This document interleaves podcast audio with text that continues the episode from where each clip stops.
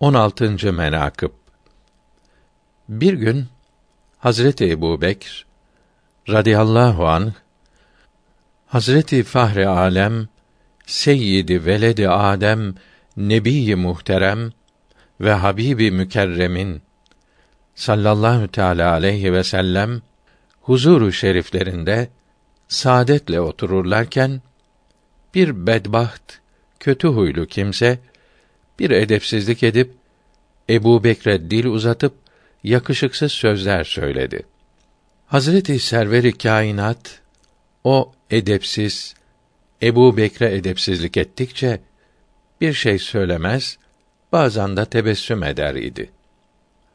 Hazreti Ebu Bekr o bedbaht ve edepsizin edepsizliği haddi aşınca zaruri olarak gadaba gelip birkaç söz söyleyince Hazreti Fahri Kainat saadetle ve devletle yerinden kalkıp gitti.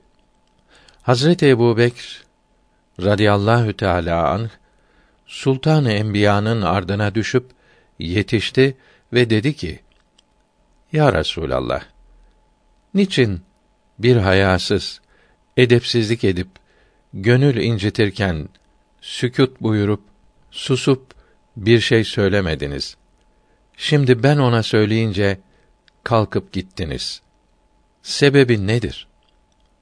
Hazreti Fahri Kevneyn ve Resûl-i Sakaleyn sallallahu teala aleyhi ve sellem buyurdu ki: Ya Sıddık, o hayasız ve bedbaht sana dil uzatmaya başladığı zaman Allahü Teala bir melek gönderdi ki o kimseyi karşılayıp kovacak idi. Sen hemen gadaba geldin. Söylemeye başladın. O melek gidip yerine iblis geldi. İblisi lainin olduğu yerde ben durmam.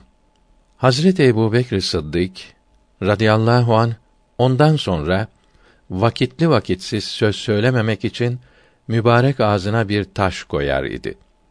Ne zaman söz söylemek lazım gelse evvela fikrederdi.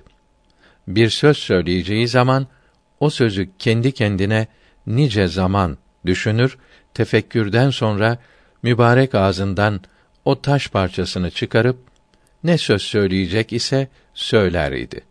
Sonra o taş parçasını mübarek ağzına alıp tesbih ve tehlil ile meşgul olurdu.